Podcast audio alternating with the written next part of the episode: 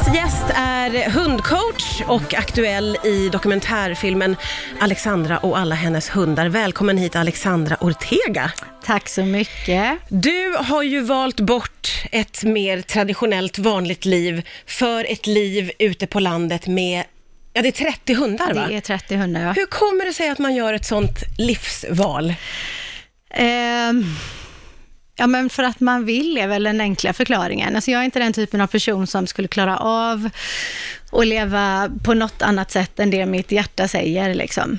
Och vad var det ditt hjärta sa? Är det att det bankar för hundar väldigt starkt? Det bankar väldigt starkt för hundar, det bankar väldigt starkt för folk, så kan man kombinera dem så är ju det prima. Och det är klart, har man många hundar så behöver man nästan bo som vi gör, så att Ja. man inte stör någon. Liksom. Ja, det är ju jättespeciellt att ha så pass många hundar. Vi ska Ja. prata mer om det, men vi, om vi tar det från början. Hur startade ditt hundintresse eller kärleken till hundar? Och det minns jag inte för att jag alltid haft det. Jag kan inte ens minnas när det började. Jag var du är uppvuxen liten. med hundar? Nej, absolut inte. Nej, du, längt, du längtade efter hund. Längtade efter hund, fick absolut inte ha en hund och därför blev det också som det blev. Men eh, alltid älskat hundar verkligen, men kunde ingenting om hundar. Och, och hur har du, eh, vad har du gjort åt det? För du har ju verkligen ägnat dig Ja, alltså åt jag, att... jag, innan jag skaffade min första hund så plöjde jag igenom hur många böcker som helst, men det hjälpte egentligen inte, för att när man väl jag tror att det är lite som att bli förälder kan jag tänka mig. Man läser en massa- massa böcker och det är väl bra att vara lite förberedd på så sätt. Mm. Men när du väl står där med din hund och du ska liksom applicera detta i praktiken, så är det ändå någonting helt annat. Ja. Och det finns liksom ingen manual för det är egentligen när du står där som individ med din hund som också är en individ. Men skulle du säga att det är främst liksom, eh, dina hundar och närheten till hundar som har lärt dig allt ja, du kan? Ja, det skulle jag säga. Det är hundarna som har visat mig vägen, absolut. Det är ju helt fantastiskt, för du tar ju också in många hundar som är problemhundar, eller hundar som kanske till och med är dödsdömda, eller som ingen liksom längre vill ha. Hur kommer. Exakt. det sig att du klarar av de Ja, hundarna? ehm, det är en kombination av några grundegenskaper som jag, har, som jag alltid har haft i min personlighet. Jag är äventyrlig av mig, jag pushar själv gärna gränser. Jag är nyfiken och ganska orädd, liksom. Mm. Eller väldigt orädd, beroende på hur man ser det. Ja. för mig är inte det, alltså det som avskräcker andra, typ du kan bli biten, du kan bli skadad, som gör att du kanske inte vill, är vad som gör att jag vill. Jag blir intresserad, jag blir nyfiken, jag vill se om jag klarar av det och utmana mina egna gränser. Men du är inte rädd då i de här situationerna? Nej, jag är inte med, rädd i de situationerna. Det måste Nej. ju, tänker jag, eh, ha mycket med saken att göra. Ja, det har väldigt mycket med saken att göra. Och, och just hundar som, som bits då till Ja. exempel, som har aggressionsproblematik, de har redan lärt sig att folk backar Ja. När de blir aggressiva. Det är därför det har förstärkts. Så att det är första gången de ställs inför någon som inte backar och inte blir rädd och inte blir arg, utan jag ser att du har ett problem, jag förstår var det kommer ifrån, följ med mig så ska jag hjälpa dig. Mm. Så de blir lite ställda, Ja, just det. att det, det, de blir ju också tagna på sängen där då, det är oväntat för hunden också. Ja. Men eh, var kommer alla de här hundarna ifrån? Ehm, de kommer ifrån antingen hundhägn eller privatpersoner som inte har kunnat Det är sådana dem. hundar som du har räddat. Ja, precis. Jag har en hund kvar ifrån en uppfödare som är, han blir 11 i år. Ja. Alla de andra är omplaceringar. Och, och som du då har fått jobba med.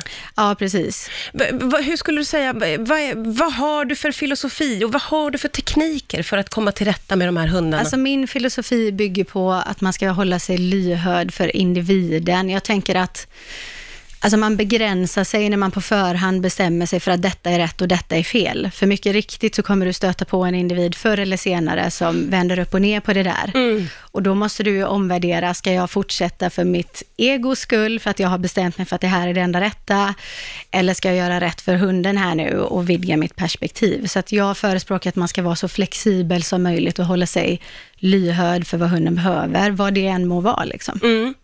I och med att den här dokumentärfilmen släpptes så kom det också en våg av kritik det, mot dig.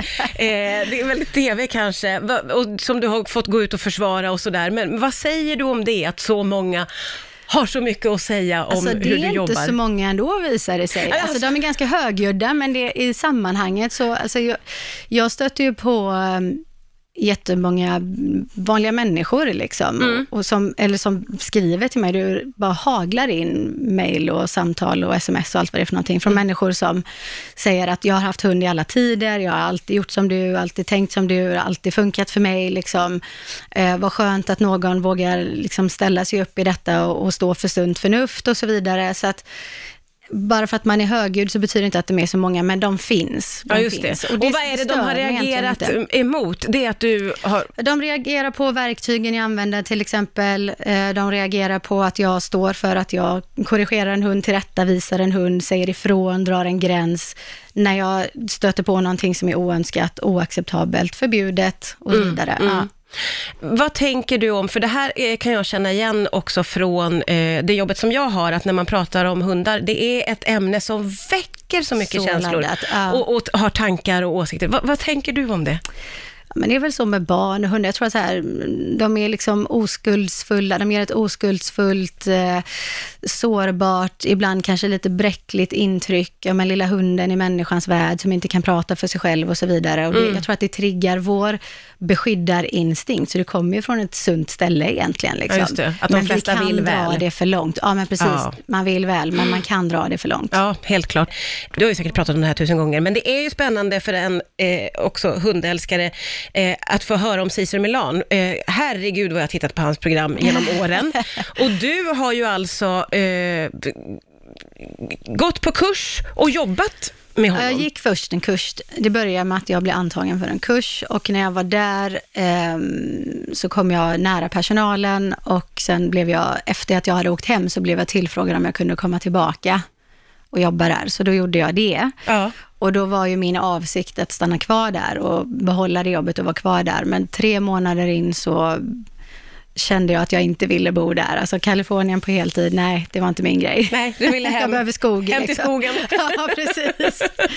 Så att eh, jag träffade min man där, så jag tog med mig honom hem istället. Ja, ja, ja, det blev en sån deal. Det blev en sån Ja. deal, ja. Men vad kände du att du fick ut av den eh, erfarenheten? Eh, Det som blev, som var oväntat egentligen, var att jag fick bekräftat att jag är på rätt väg. Jag hade inställningen när jag åkte dit, att gud, jag kommer komma hem med så himla många nya insikter och så himla många nya sätt att jobba på. Och det blev inte så, så det tog ett år för mig att egentligen vara okej med det resultatet, för att jag var inställd på något annat.